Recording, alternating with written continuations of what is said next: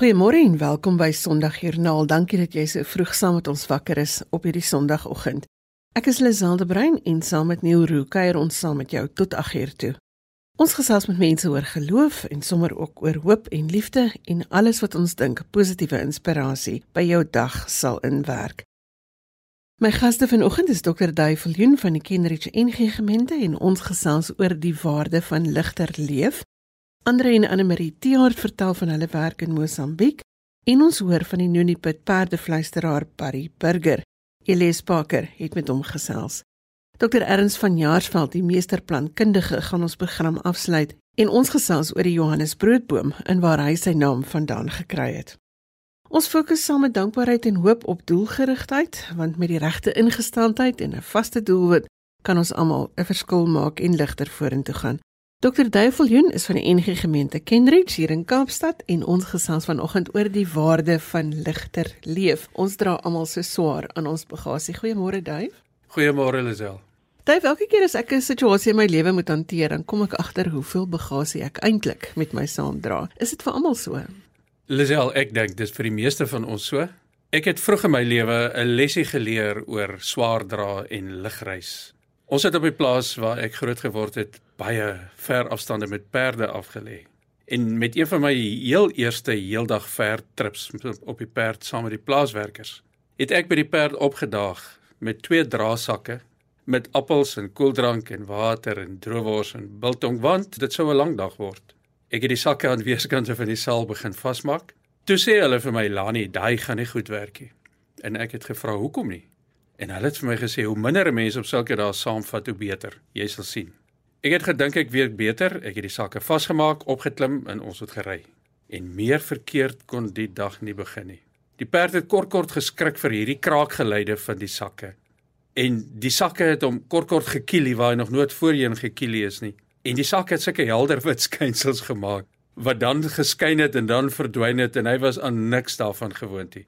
Op 'n stadium het 'n doringtak een van die sakke gehak en oopgeskeur en toe val 'n waterbottel uit die sak uit op die perd se agterbeen. Toe vlieg hy weg en ek moes klou vir my lewe.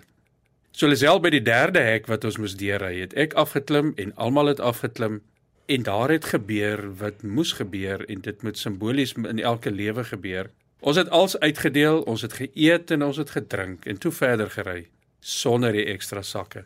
En ek was uitverkoop En elke volgende keer het ek so opgedaag en opgesaal. En ek het onthou hoe minder mense saamvat hoe beter. En hulle het my nooit ophou terg nie. Elke Saterdag wat ons moes ver gaan werk, het hulle vir my gevra, "Waar is die sakke met die appels?" ons lees nou nogal in die Bybel van mense wat baie op pad was. Hulle het ver gestap, ook ver gereis. Wat leer ons by hulle van hierdie boodskap? Lisel, ek sal graag by episode in die Bybel wou begin gesels en dit is die eerste Jerusalem gemeente nadat die Paasgebeure gebeur het Jesus het opgevaar hemel toe en toe is dit die Pinkstergebeure en in Jerusalem in daai Pinkstergemeente was dit 'n idilliese indrukwekkende wonderlike getuigskrif van hoe dit in 'n gemeente moet werk. In Handelinge 4 is daar 'n stukkie waar ons lees die groot getal en dit was 3000 plus 2000 dit was 5000 wat gelowig geword het was een van hart en siel. En luister net hoe mooi, niemand het sy goed net vir homself gehou nie. Hulle het alles met mekaar gedeel. Die genade van die Here was groot oor hulle almal. Nie een van hulle het gebrek gely nie. Want die wat sonder grond of huise was, het dit gekry van die ander wat dit verkoop en die geld kom deel het.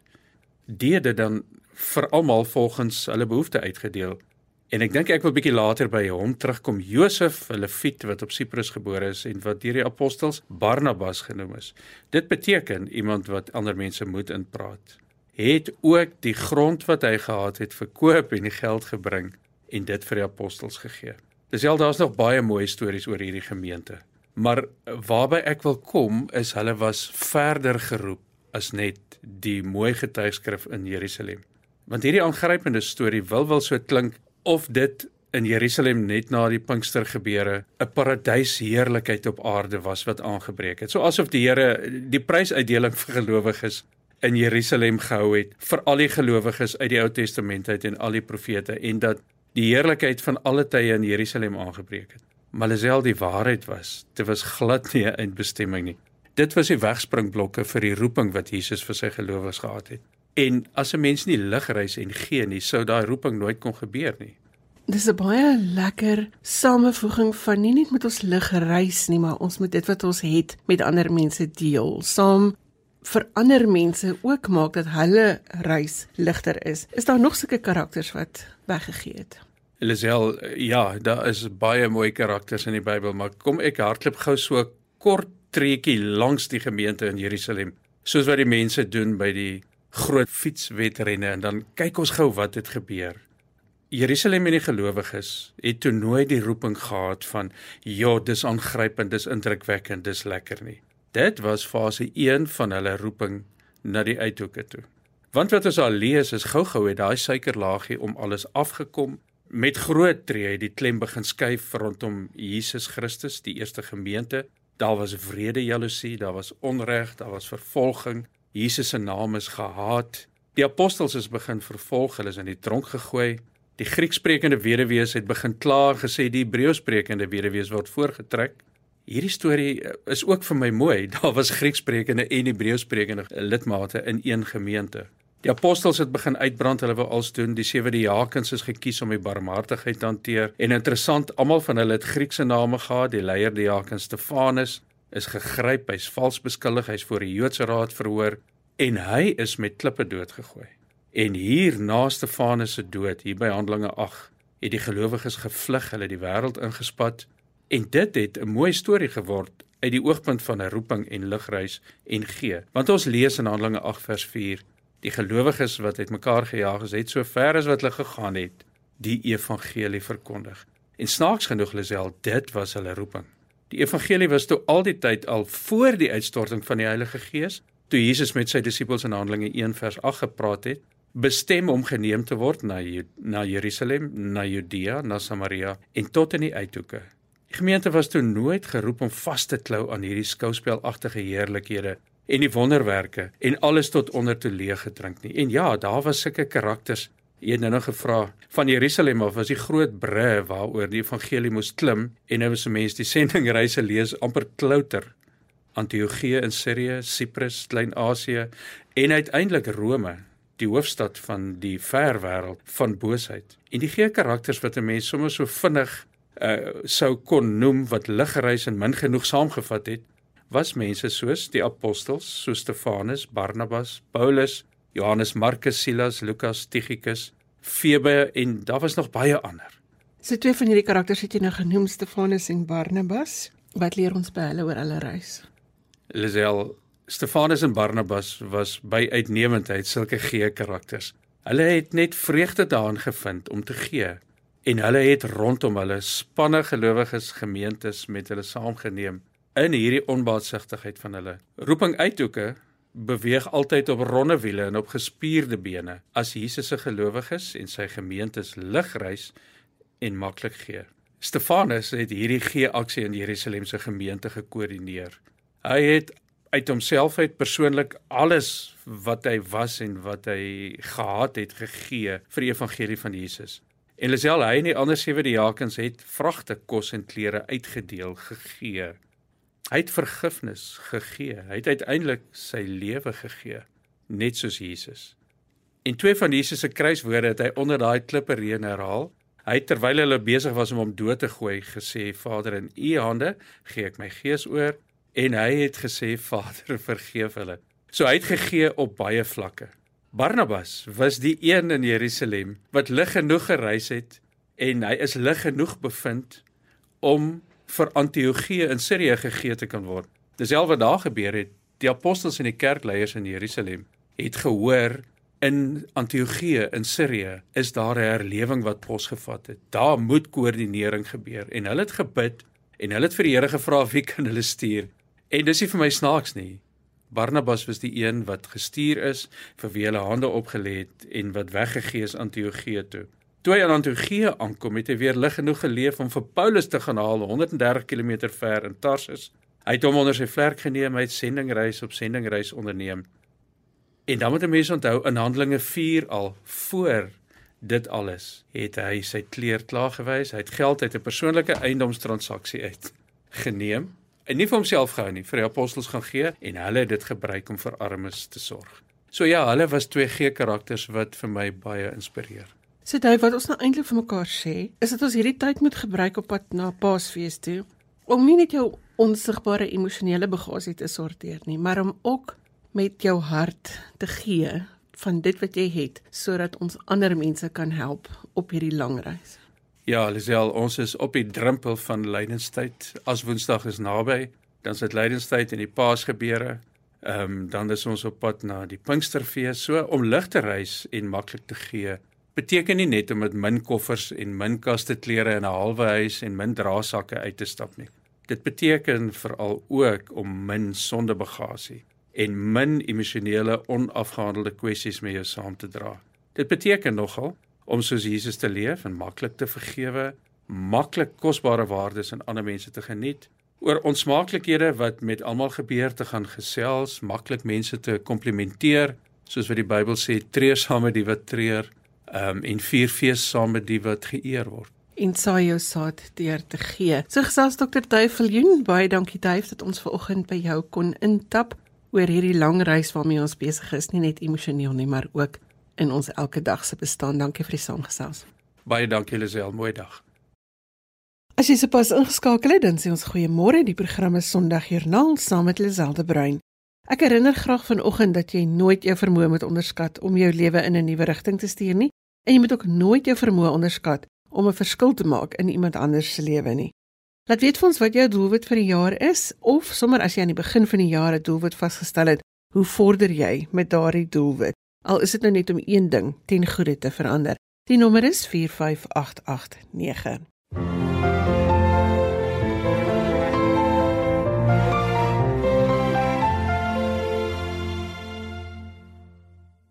Barry Burger het so 10 jaar gelede bekendheid verwerf met sy epiese ritte te perd in die Kalahari woestyn naby Nuniput. Hy is ook die man op wie die hoofkarakter in die film Tornado and the Kalahari Horse Whisperer gebaseer is. Elise Parker het by hom gehoor watter rol geloof in sy lewe speel. Welkom by ons Barry. Môre Elise, voorreg. Barry, vertel vir ons, so dis kan 72 ry jy nog perd? Dit gaan ons nie oor perdry of jy nog kan opklim nie. Jy hou op met perdry die dag as jy nie meer kan afkom nie. nou, hoe werk dit op die oomblik met jou? Op die oomblik werk dit so dat uh, ek is nie so aktief op die perd soos wat ek altyd was nie. Uh, ek is in 'n situasie waar ek 'n uh, projek het om eensame mense in die Kalahari aktiwiteite te moet gaan besoek. En hierdie COVID uh, en sy regulasies maak dit baie moeilik om daai persoonlike fisiese kontak te hê want ek moet vir die mense een-een gaan bid. En nou het ons gedink dit gaan wys wees om so 'n bietjie terug te lê daarmee. Ons hoop ja, die epidemie laat ons toe om te kan begin beweeg waar ons graag wil beweeg. Maar die mense kom ook vir jou kuier. Vertel ons 'n bietjie van die mense wat jou steeds kom besoek om die troos van perdegenesing te geniet. Ja, natuurlik is ek mos nou baie afgeleë. Ons is so by die 170 km noord diep in die Kalahari, noord van Appington en 'n grondpad 'n groot gedeelte. Dit is nie die maklikste plek waar 'n mens wil rondry nie. En ten spyte daarvan sal mense vir my op e-pos kontak of op WhatsApp wat van my weet as gevolg van die bekendheid van die film en ook dan kom hier nog al in die laaste tyd toeriste aan wat tussen Kalahari en die Oegrabes waterval beweeg met hulle kampeertoeriste in groepe van 8 tot 10 voertuie en hulle moet nou by Barry verbykom. Dis nou vir hulle 'n moet.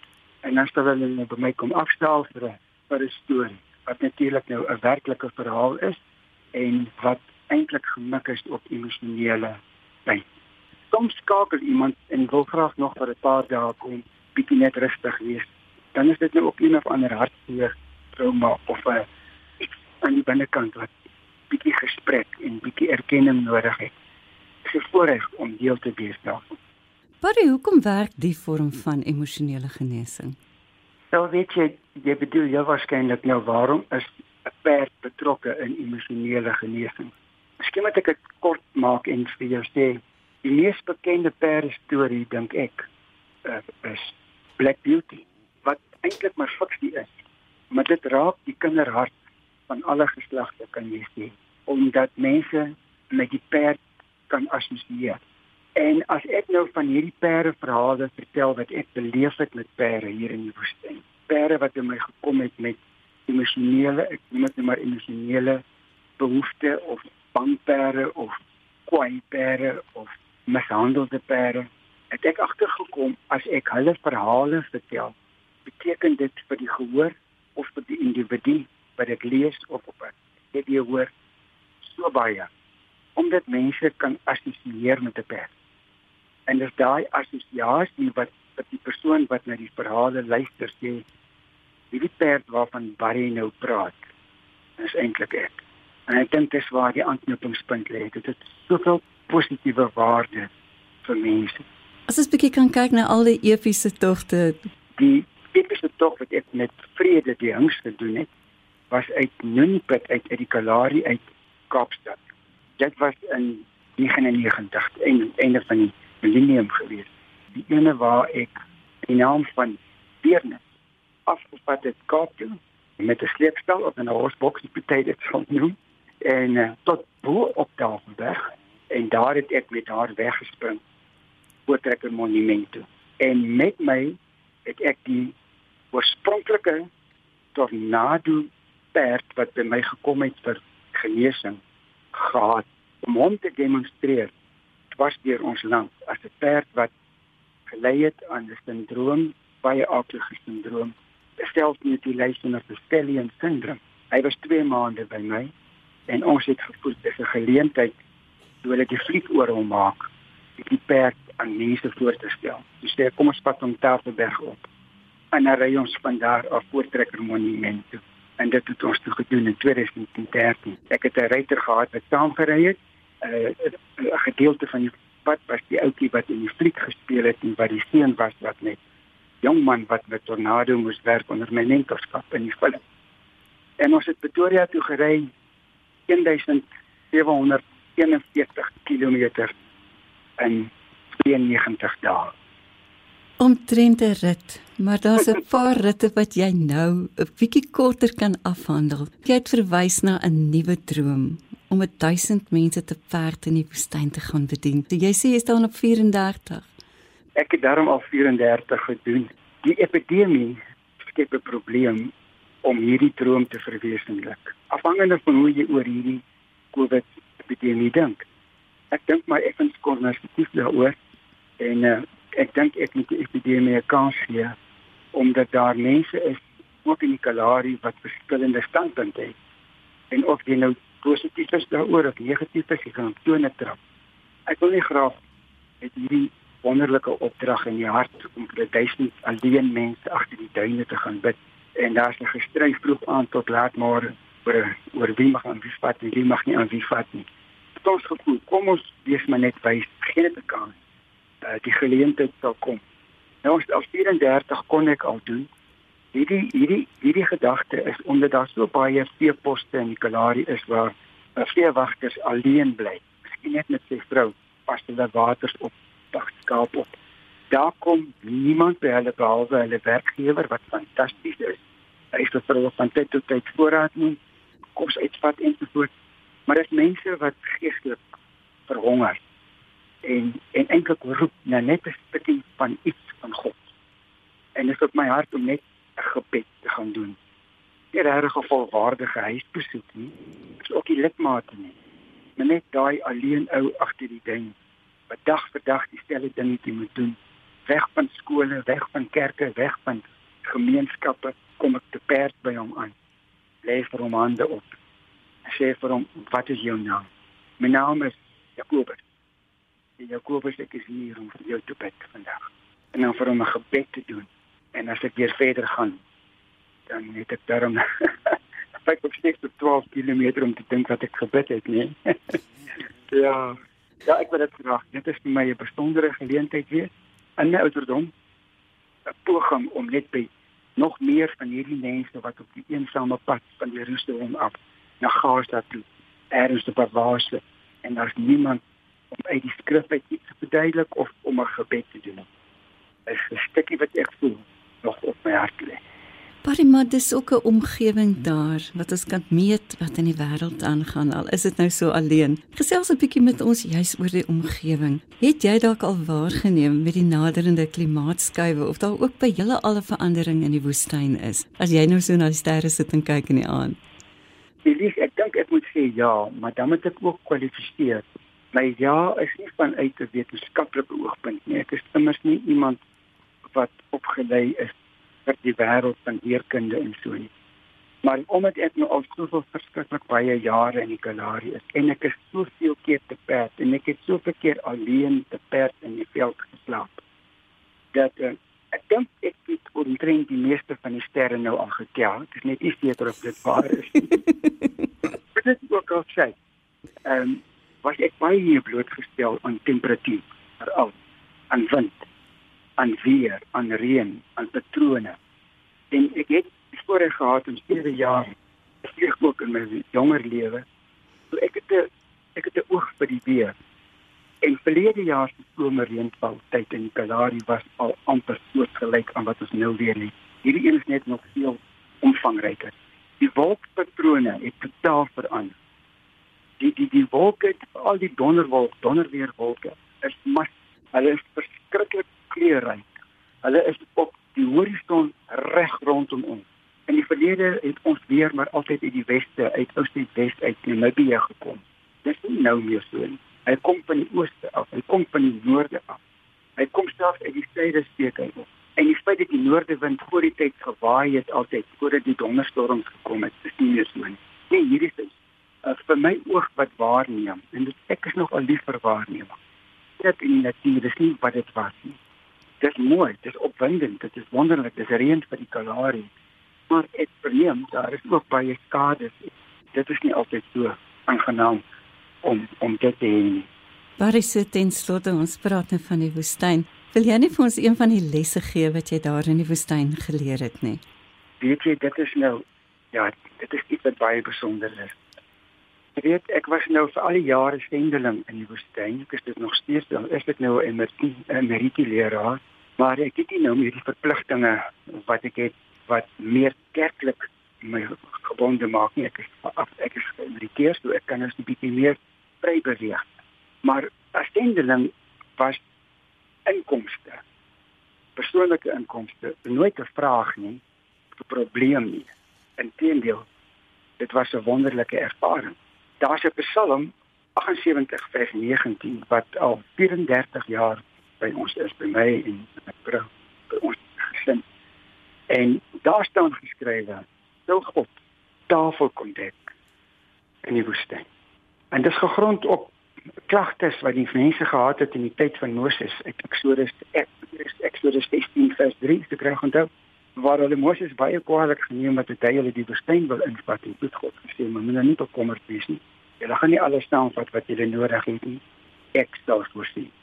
En dis nou al hoeveel jare wat ons nog steeds genadiglik voorsien word deur dit was onbekende mense wat hierdie bediening ondersteun. Ons stuur nie vraelyste uit nie, ons vra nie ons ons ons kan nie behoeftes bekend nie.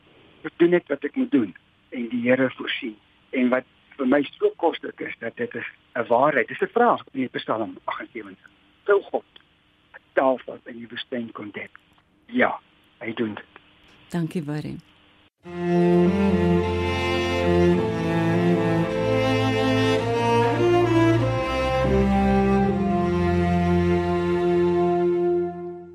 Jy kan deelneem aan ons program per SMS by 45889 en dit gaan jou R1.50 per SMS kos en jy kan ook saamgesels op Facebook. As jy DStv kan jy ons luister op die audiokanaal 813 en jy kan ons ook kry op die internet by rsg.co.za. Andre en Annelie Tiaart woon reeds sedert 2006 in Kionga in Mosambiek en hulle kuier in Suid-Afrika en vanoggend ook hier by my in die ateljee. Goeiemôre Andre. Môre. Môre Annelie. Môre. Andre, julle werk nou al 'n geruime tyd in die gemeenskap in Mosambiek. Maar terwyl julle bevoorrege keer hier was, het julle huis afgebrand. Wat het gebeur? Ja, soos wat julle seker almal bewus is, ehm um, in die noordooste van Mosambiek is daar hierdie aanvalle wat gebeur sedert 2017. En 2018 het hierdie situasie baie geeskaleer en baie dorpe is aangeval 2019 2020 met die situasie regtig baie ernstig geraak tot op 'n punt waar alle paaie toe was na na ons area toe. Ons bly in die Palma distrik in die heel noordooste van Mosambiek. En laas jaar het 19 Februarie toe kry ons die nuus terwyl ons besig is om klaar te maak om terug te gaan dat hierdie insurgente het in ons dorp ingekom en uh, baie huise afgebrand. Mense het gevlug, mense, ek het met ouens gepraat terwyl hulle in die bos sit, terwyl die aanval in die gang is. En al wat hulle vir my sê is wat hulle sien van die dorp is net vlamme, hoë vlamme. En in hierdie hele proses het ons huis ook toe afgebrand en ek vermoed dit was 'n baie groot vuur want dit was 'n houthuis.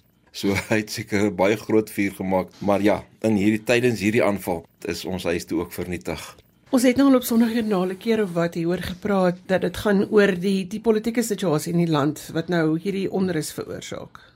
Ja, ek dink op hierdie stadium is dit baie baie moeilik na na so 'n lang tyd. Is dit nog steeds moeilik om regtig te bepaal wat is die rede daarvoor? Party ouens sê dit is politiek, ander ouens sê dit is ontwikkeling wat nie plaasvind nie. Ander ouens sê dis ehm um, jong mense wat nie geleenthede kry nie. Ander ouens sê dit is die gasprojek. So daar's verskeie teorieë Anne Marie, ek is nou nog nie los van al die goed in my lewe nie. So as my huis afbrand, gaan ek waarskynlik in sak en as wees. Hoe het jy gevoel oor hierdie nuus dat jy hier sit en daar brand jou hele lewe af?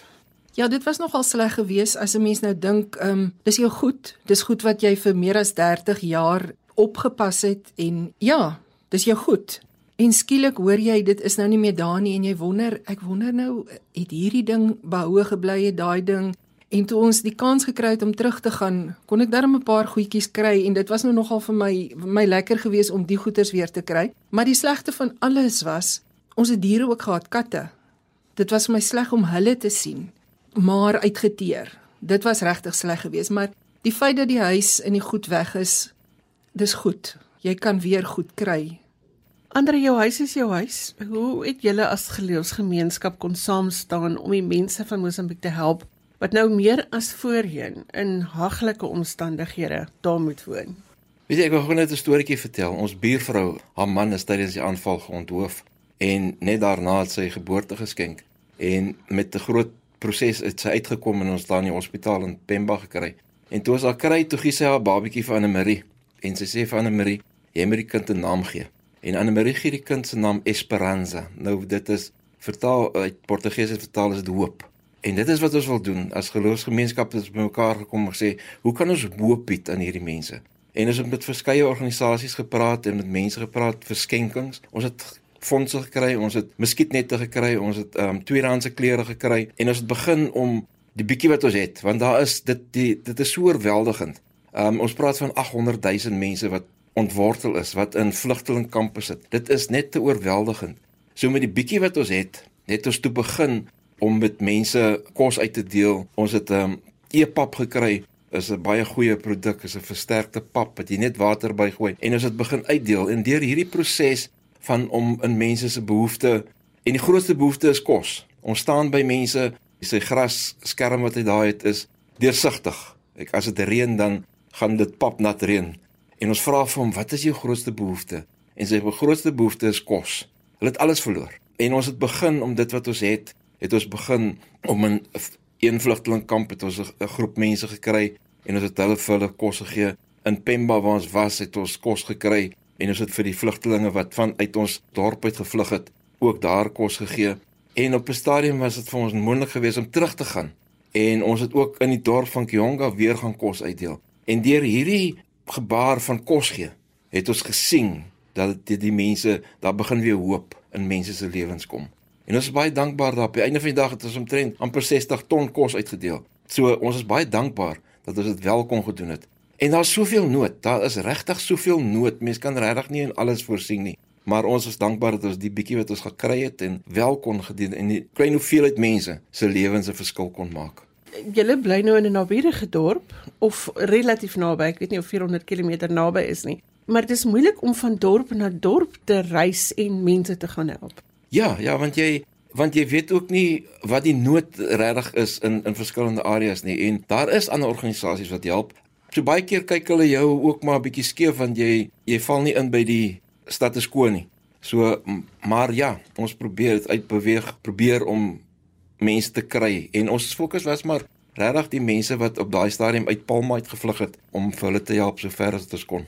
Anne Marie, ons het nou voor die program met jy gesê jy is nou reg om terug te gaan na julle huidige besoek in Suid-Afrika. Waarvoor is jy dankbaar? Ja, soos Andre sê, ons het baie fondse gekry om die mense te kan help. Ek is dankbaar vir dit wat ons kon doen, die verskil wat ons kon bring in mense se lewens. Ons het ook van die fondse gebruik om ouens te help om weer 'n klein besigheid te begin, die wat wel besighede gehad het en ook om die verskil te sien wat dit in hulle lewe gemaak het om net weer weg te staan van daai kop teen die muur idee dat hulle weet maar ek kon iets doen ek kan dit nou weer doen. Ek het 'n bietjie hulp nodig maar ek kan dit weer doen met die hulp wat ek kry. Andre vir jou persoonlik as jy 'n tree teruggee van hierdie hele situasie waarvoor is jy dankbaar? Ja ek dink ehm um, dis ek is dankbaar dat ons instrumente kon wees in Here se hand. Jy weet met ons laaste kosuitdeling Kionga, dis sit ons daar 1200 mense, 250 kospakkies uitgedeel. Dis 'n druppel in die emmer. Ons het 5 mense een kospakkie gegee en die die vrede wat ons ervaar het en die vreugde wat ons sien op die mense gesigte is na so lank tyd wat daar werklik net kos inkom. En dit niks met ons te doen nie. Dit niks met ons te doen nie. Dit het alles te doen met ons wat bereid is om dit te doen, maar ook met die Here wat ons gebruik en daarvoor is ons dankbaar om daai verskil te kon maak in die lewe van mense. Dit gaan altyd my verstand te bowe dat ons so akkommoderend is vir sulke goed wat gebeur vir oorlog. Dit gebeur ja. en ons nou begin ons net van voor af bou. Ek wil vra wat gee vir jou hoop? Ek dink dit wat ons gesien het in die wat gebeur in die lewe van mense. Net daai bietjie aanmoediging.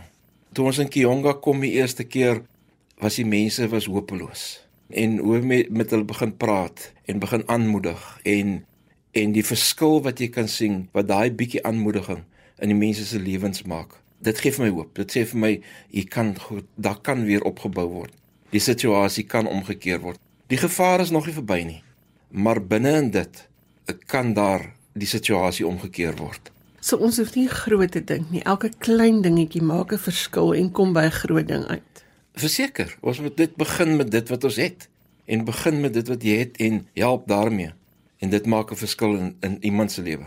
Kom ons verbeel ons julle kan gemeenskapswerk gaan doen in die Bybelse tyd en julle kan by een van die Bybelse karakters aan huis gaan. Wie gaan jy kies, Andrei? Jy weet Nehemia sit en hy sê hy hy kry nuus dat uh, Jerusalem is vernietig. En hy begin om mense te mobiliseer om daai stad weer op te bou. En om net daardie hele verhaal te lees hoe hy gegaan het en mense begin mobiliseer het binne in daardie chaos. En dat op 'n stadium staan daar so dat almal se hart was in die werk gewees. Ek meen hy het hy het, hy moes 'n ongelooflike uh, motiveerder gewees het om vir mense so ver te kry om te sê maar die gevaar is nog steeds daar. Want ons lees hoeveel keer daar van die ouens gekom het en hulle bedreig het. En die gevaar is nog steeds daar. En is dieselfde situasie wat ons het. Die gevaar is nog nie verby nie. Maar binne dit kon hy mense mobiliseer en mense se harte omkeer sodat hulle daai mure begin bou. En dit is ongelooflik dat hulle hoeveel mense as jy dit lees, hoe mense net eenvoudig begin het en help het en vanuit daardie chaos weer 'n stadsmuur gebou het. En ek dink dit is vir my 'n ongelooflike motivering. Hoe kan die mense in Suid-Afrika die mense in Mosambiek help? Ek dink deur bewusmaking, deur bewus te raak van werk wat werklik daar gebeur. Ons lees in die koerante, maar jy lees dit en gaan verby. Ek dink vir vir my is dit net dit gebeur net aan die ander kant ons grens. Dis nie ver nie. Ons het altyd hierdie gedagte, hierdie goeters, hierdie aanvalle, hierdie ekstremiste aanvalle is daar ver, ver verwyder van ons. Maar dit is nie so ver nie. En mense is nie regtig bewus van wat daar gebeur, die die menslike trauma wat dit saamgaan nie en die verwoesting wat daar is nie. 800 000 mense wat Baie van hulle het gehardloop net met die klere aan hulle lyf. Hulle bly in in kampe waar die situasie nie goed is nie, veral nou in die reentyd. So bewus raak, bewus raak van wat gebeur en te begin kyk hoe kan ons help? Kyk wie is besig om wat te doen en uh, ja, ons kan nie net lukraak ingaan en begin doen nie. Ons moet ge dit gekoördineer wees.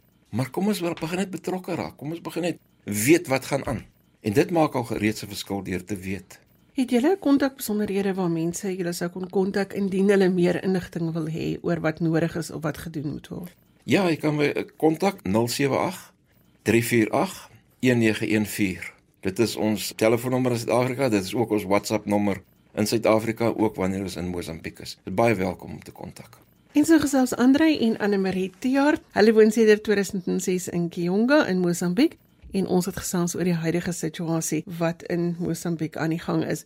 As jy vir Andrei wil kontak per WhatsApp 0783481914 indien jy meer inligting wil hê oor wat in Mosambiek aan die gang is. Baie dankie vir die saamgesels julle. Baie dankie.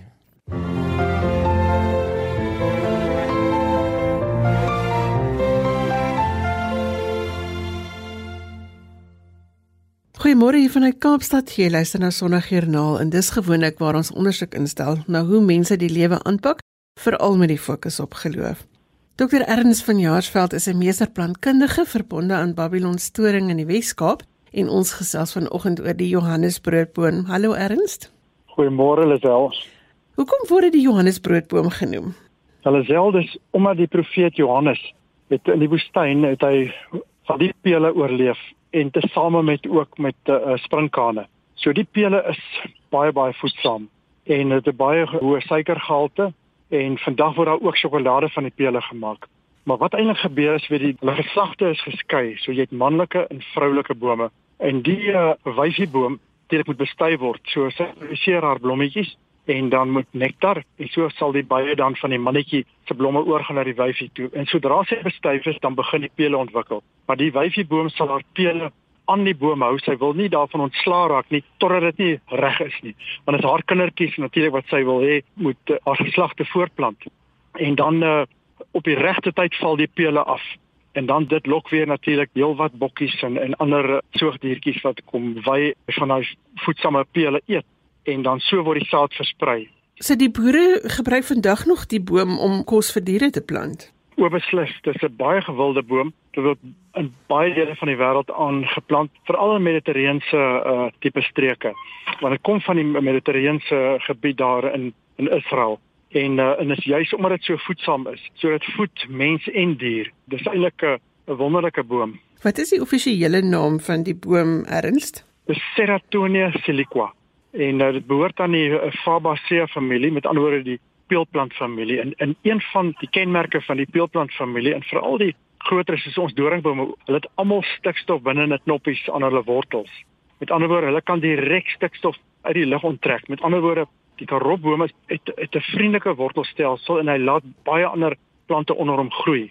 En dit is natuurlik heeltemal in teenstrydig met byvoorbeeld die bloekoms wat weer 'n giftige wortels het of wat die grond vergiftig wat nie kompetisie wil hê nie. So die Johannesbroodboom is vriendelik teenoor alles wat saam met hom groei en daar's 'n rede ook voor. Die gras onder die, die Johannesbroodboom altyd groener. En dis as gevolg van daai stikstof binne in die knoppies. En so lok hy dan weer die vee en in in diere en dan los dit hulle mis. Die arme plant as hy nie meer genoeg kos het nie kan hy nie loop na 'n komposhoop nie. So hy moet sorg dat die kompos na hom toe kom. En so is 'n baie baie slim manier of subtiele manier om vir die vee die pele aan te bied sowel as die groen gras onder dit. En ons sien dit by ons inheemse doringbome ook presies dieselfde uh, ding wat die byvoorbeeld die kameeldoringboom waar die pele ook eetbaar is en waar die gras onder kan die doringbome altyd groener is en so sorg dit dan vir diere wat die kompos dan na die plant toe aandra. Dit voel vir my so asof dit 'n boom is wat dankbaarheid inspireer. Dink jy so? O beslis. Dit is ongelooflik en, en is deel van die web van die lewe. En dit is so die voet so baie diere en om te dink die arme karotboom die ma plante kan nie na hulle kindertjies kyk nie en hulle moet oorkompenseer. Daarom produseer sy ter duisende sade met die hoop dat net 'n paar deur die maag van een of ander dier sal gaan en dan sal opkom. En dit so gebeur dit. So die plante is uh, hulle gaan aan op hulle eie manier hulle eie dankbaarheid in die natuur en op hulle tyd dra hulle hulle vrugte en, en uh, blommetjies en dan gee hulle weer vrugte vir die diere ry. So alles is deel van die web van die lewe en en baie baie belangrik. En veral in daai droër dele soos hier in die Mediterrane streke waar dit kos bied, soos vir die profeet Johannes oorleef het van hierdie waardevolle pele. Maar natuurlik binne en ook is ook klein harde pytjies. Sou mens vandag nog van hierdie pele kan eet? Erns? Mens kan. Die, by ons op Babylon Store het ons baie karobome So ek wys dikwels vir die gaste, mens kan nou aanproe ook, maar die ding is net kyk jy kan aan eet en hy's lekker soet, maar mens net pas op want as jy hard daar byt, jy kan jou tande breek op die pytjies. Want as die pytjies wat klein is, hulle is baie eenvormige, omtrent almal dieselfde grootte en dit is juist die pitte wat gebruik word om diamante en goud se waarde te bepaal. Ek wil nou net vir jou vra om vir ons daardie storie te vertel. die sade van hierdie boom is 'n belangrike meetinstrument. Dis reg as mense het ons altyd 'n iets nodig gehad om te meet. Byvoorbeeld die in die, die Britte gebruik natuurlik 'n voet vir 'n vo, om 'n menslike voet te meet, maar ons almal se voete verskil. So tye is te, te groot. So hulle moes standaardiseer. Maar maar wat merkwaardig is met die met die karobboom se pypies, hulle is almal min of meer dieselfde grootte en gewig. So hulle toe besluit op een pypie is 1 karat en byvoorbeeld al die diamante en goud word op daardie standaard gemeet en selfs vandag nog word dit so gemeet. So mens kan sê jou lewe is goud werd, maar daardie goud word ingemeet in die saad van die Johannesbroodboom. Ek stem, ek dink die ware goud lê in die groen in die lewe en dit is net so. Ernst, ons weet nou jy werk heeltyd in die natuur. Babylon Storen is 'n verskriklike groot en baie mooi tuin. Wat is dit wat vir jou hoop gee? Sjoe, die plante gee my hoop want hulle daar's daar's lewe. Hulle bring vir ons suurstof, hulle bring vir ons hoop, hulle bring vir ons kos hulle voorsien vir ons hout. Hulle voorsien omtrent van alle materiale in ons in ons huishoudelike gebruik. So God het vir ons hierdie plante gegee juis sodat ons die mense kan gebruik, nie misbruik nie, maar gebruik en ons kan dankbaar wees. En as ons kyk na die diversiteit van die planteryk, en dis nie dit nie, dit is ook dit gee my soveel plesier as jy sien hoe diertjies dit geniet en die die voeltjies, die bestuiving, die insekte.